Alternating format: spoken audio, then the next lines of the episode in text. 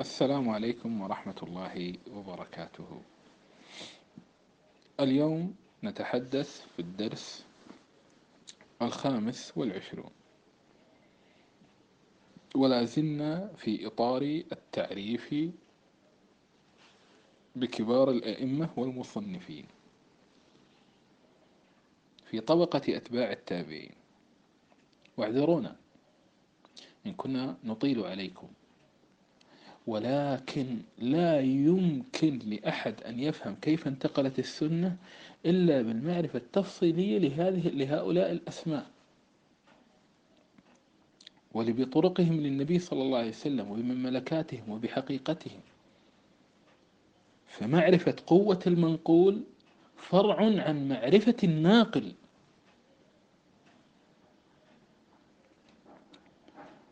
وإن شاء الله تعالى بعد الانتهاء من الكلام على الأسماء سنتكلم عن المصنفات وأنواعها والكتب وما صنف في سواء كتب الحديث أو أو كتب الجرح والتعديل أو كتب العلل أو كتب المراسيل. وسنبين كيف يمكن للإنسان أن يستفيد منها ولمراتب المصنفين ولمناهجهم. لا زالت الرحلة طويلة لا تخافوا لا زال عندنا الكثير الذي لنقوله ولنبينه.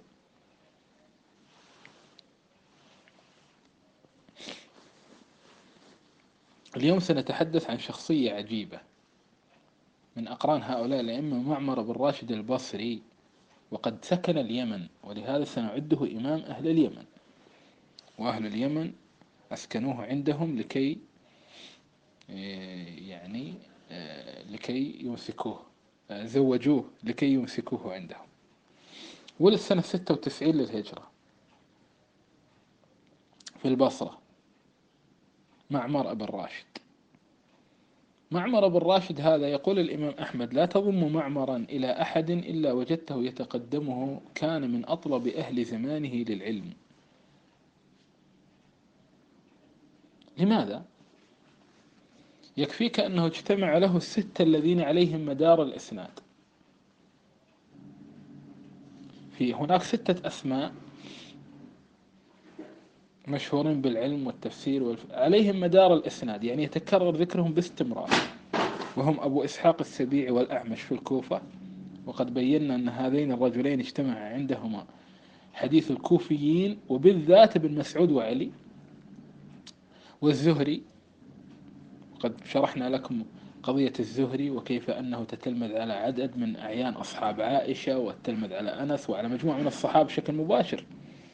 وقتادة وقتادة هذا كان من ألزم الناس لأنس بن مالك ويحيى بن أبي كثير اليمامي. وقد بينا لكم شأن يحيى وأنه تتلمذ على على أبي سلمة بن عبد الرحمن بن عوف. طيب. وعمر بن دينار الذي هو كان عنده حديث ابن عباس وفتاويه وفتاوى تلاميذه أيضا. هو تتمذ على ابن عباس وعلى تلاميذ تلاميذ هؤلاء الستة قد تتلمذ عليهم معمر بن راشد ولم يجمع أحد في الطبقة. هؤلاء الستة سواه. مع تتلمذه على أسماء كثيرة أخرى مثل ثابت تلميذ أنس المقرب ومثل هشام بن عروة بن الزبير وأيوب السختياني وقد تتلمذ على همام ابن منبه الذي له صحيفة عن أبي هريرة.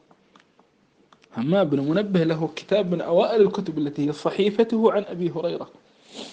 كتب عن أبي هريرة كتابا مكتوبا وهذه الصحيفة رويت وتواترت عن معمر.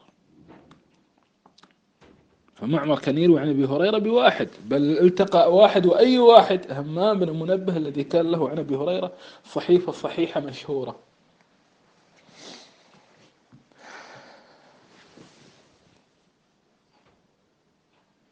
معمر بن راشد لحسن الحظ وهو وهم يفضلونه على مالك في الزهري لحسن الحظ له كتاب الجامع مطبوع. وله كتاب الجامع مطبوع. وهذا كتاب فيه تبويبات و... وله تلميذ يقال له عبد الرزاق. عبد الرزاق له كتاب اسمه المصنف. عبد الرزاق جمع حديث معمر كله. وكان جمع تصانيف معمر ثم استدرك عليها وعمل تصانيف أخرى. عبد الرزاق له كتابه المصنف مطبوع موجود كتاب ضخم جمع فيه حديث معمر وغير معمر. وعبد الرزاق تتلمذ على جميع الأسماء التي ذكرناها آنفا. تلمذ على ابن عيينة وعلى الثوري وعلى مالك وعلى إلا الأوزاعي لم يتتلمذ عليه. وأيضا من تتلمذ على معمر بن المبارك وابن المبارك له كتب مطبوعة موجودة الآن. الآن ستفهم أن معمر هذا لوحده مروياته التي جمعها عبد الرزاق وتلاميذه الأخر وهو شأنه شأن الآخرين لكن هو لم يكن مفتي له مذهب. كان يفتي أحيانا في بعض المسائل ليس كالآخرين ولكنه مشهور جدا بأمر الرواية. وعبد الرزاق له مصنف وله تفسير وله أمالي. وهذه كلها دائما يقدم حديث معمر على غيره لأنه لازم معمرا في صنعاء. كليهما صنعاني. وأيضا روى عن آه، معمر عدة آخرون. من أهمهم هشام بن يوسف وغير ذا يعني وغيره. فبناء عليه الآن الصورة بدأت تكتمل أكثر فأكثر. عندنا حماد بن زيد عندنا الأوزاعي عندنا مالك عندنا سفيان الثوري عندنا بن عيينة عندنا الليث بن سعد. عندنا الآن معمر. كم صاروا؟ صاروا سبعة. أئمة مصنفين قريبين جدا من النبي صلى الله عليه وسلم زمنا. الحديث إذا روي عنهم يتواتر. إذا هم اشتركوا برواية حديث في العادة يتفقون. مع مع تباعدهم القطري مع تنافسهم.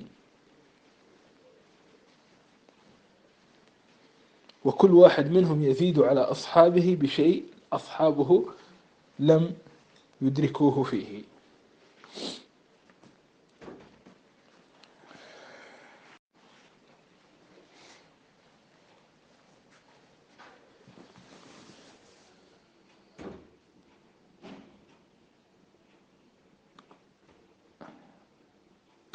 معمر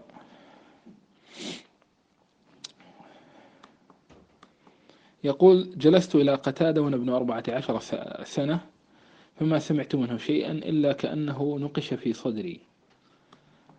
طبعا والسبب في هذا لأنه كان شابا صغيرا.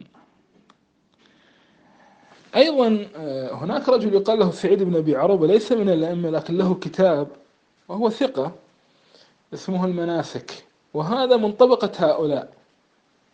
هو تلميذ قتادة. وكتابه المناسك موجود مطبوع. فالآن أنت بإمكانك أن تتصور كيف حين يأتي إمام مصنف مثل البخاري كيف ممكن يجمع كتابه؟ عنده هذا التراث مجتمع. رجل كأحمد بن حنبل أحمد بن حنبل يجمع أحاديث معمر عن طريق روايتها عن تلميذه عبد الرزاق. يجمع تراث مالك أصحاب مالك كثر أهمهم الأهم من الشافعي. وكتاب مالك موجود منتشر منسوخ وزع في الأمصار. يجمع تراث الثوري الثوري موجود تراثه عنده. ابن عيينة نفس القصة. ابن عيينة شيخ مباشر لأحمد أحمد جلس عنده وسمعه. فأحمد عنده المسند. مثل أحمد هناك رجل يقال له الحميدي. زميل لأحمد. شيخ للبخاري أيضا. عندنا علي بن المديني نفس القصة. عندنا يحيى بن معين نفس القصة. عندنا إسحاق بن راهوية فقيه له مذهب نفس القصة. عندنا أبو ثور فقيه له مذهب لم يكن متوسعا في الرواية كهؤلاء. والآن نحن دخلنا مجموعة بلدان دخلنا البصرة دخلنا صنعاء دخلنا الشام دخلنا المدينة دخلنا مكة دخلنا الكوفة دخلنا مصر. طبعا لسائل يسأل أين بغداد؟ أقول بغداد لم تكن موجودة. بغداد بناها أبو جعفر المنصور. ننتقل إلى شخصية أخرى يزيد بن هارون وهذا أصغر من هؤلاء قليلا ولد سنة 117 هجري. هذا من الثقات الأجلة حتى قال أبو بكر بن شيبة ما رأيت أتقن من يزيد بن هارون؟ قال أبو حاتم الرازي إمام لا يسأل عنه. ويقول ما دلست حديثا قط؟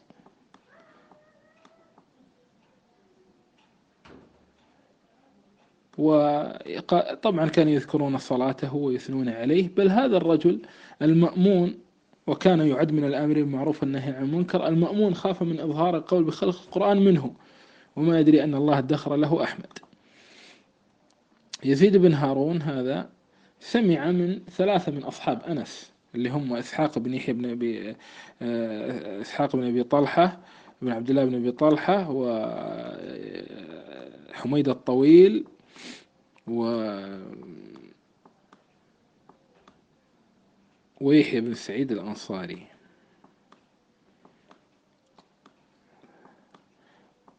وهذا الرجل مؤلف يعني ذكره يتكرر باستمرار. طبعا وله شيوخ أخر وسمع من أبي مالك الأشجعي أبو مالك الأشجعي أبوه صحابي. وهذا كان إمام أهل واسط.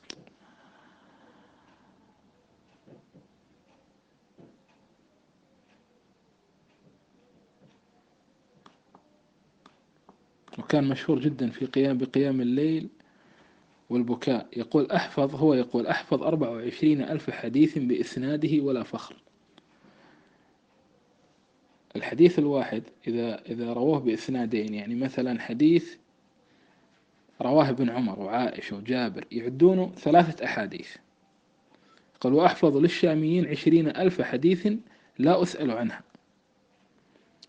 يعني هو عراقي ويحفظ حديث الشاميين. وهذا الرجل طيب ممكن إنسان يقول هذه مجرد دعاوى. هي دعاوى مبرهنة. هذا رجل أنظر إلى إلى إلى أحاديثه في الكتب. لا يكاد يروي عليه يروي شيئا إلا وعليه نور. لماذا؟ تجد الناس يوافقونه. يزيد بن هارون هذا شيخ لأحمد مباشر وشيخ لعدد من الأئمة. طبعا وله عشرات الشيوخ. أنا أذكر لكم أعلى أسانيده. وهذا رجل صنف وكتب. مصنفاته ذهبت. لماذا يعني بعض المصنفات لماذا بعض المصنفات تذهب؟ لأنها تكون تدخل في كتب غيرهم. وهذه نقطة مهمة. يعني مثلا يزيد بن هارون عنده مجموع ألف مثلا مسند جمع حديثه جاء بعض تلاميذه وأخذوا أحاديث يزيد بن هارون ثم زادوا عليها أحاديثهم. فالناس سيست سيستغنون عن كتاب يزيد بن هارون لأن هناك نسخة مزيدة ظهرت على يد تلاميذه كأحمد وغيره. فهذا من مثل قضية المذاهب. طبعا أنا أكرر بعض المعلومات لكي تعلموا أنا تكلمت كلاما كثيرا وذهب التسجيل الله المستعان.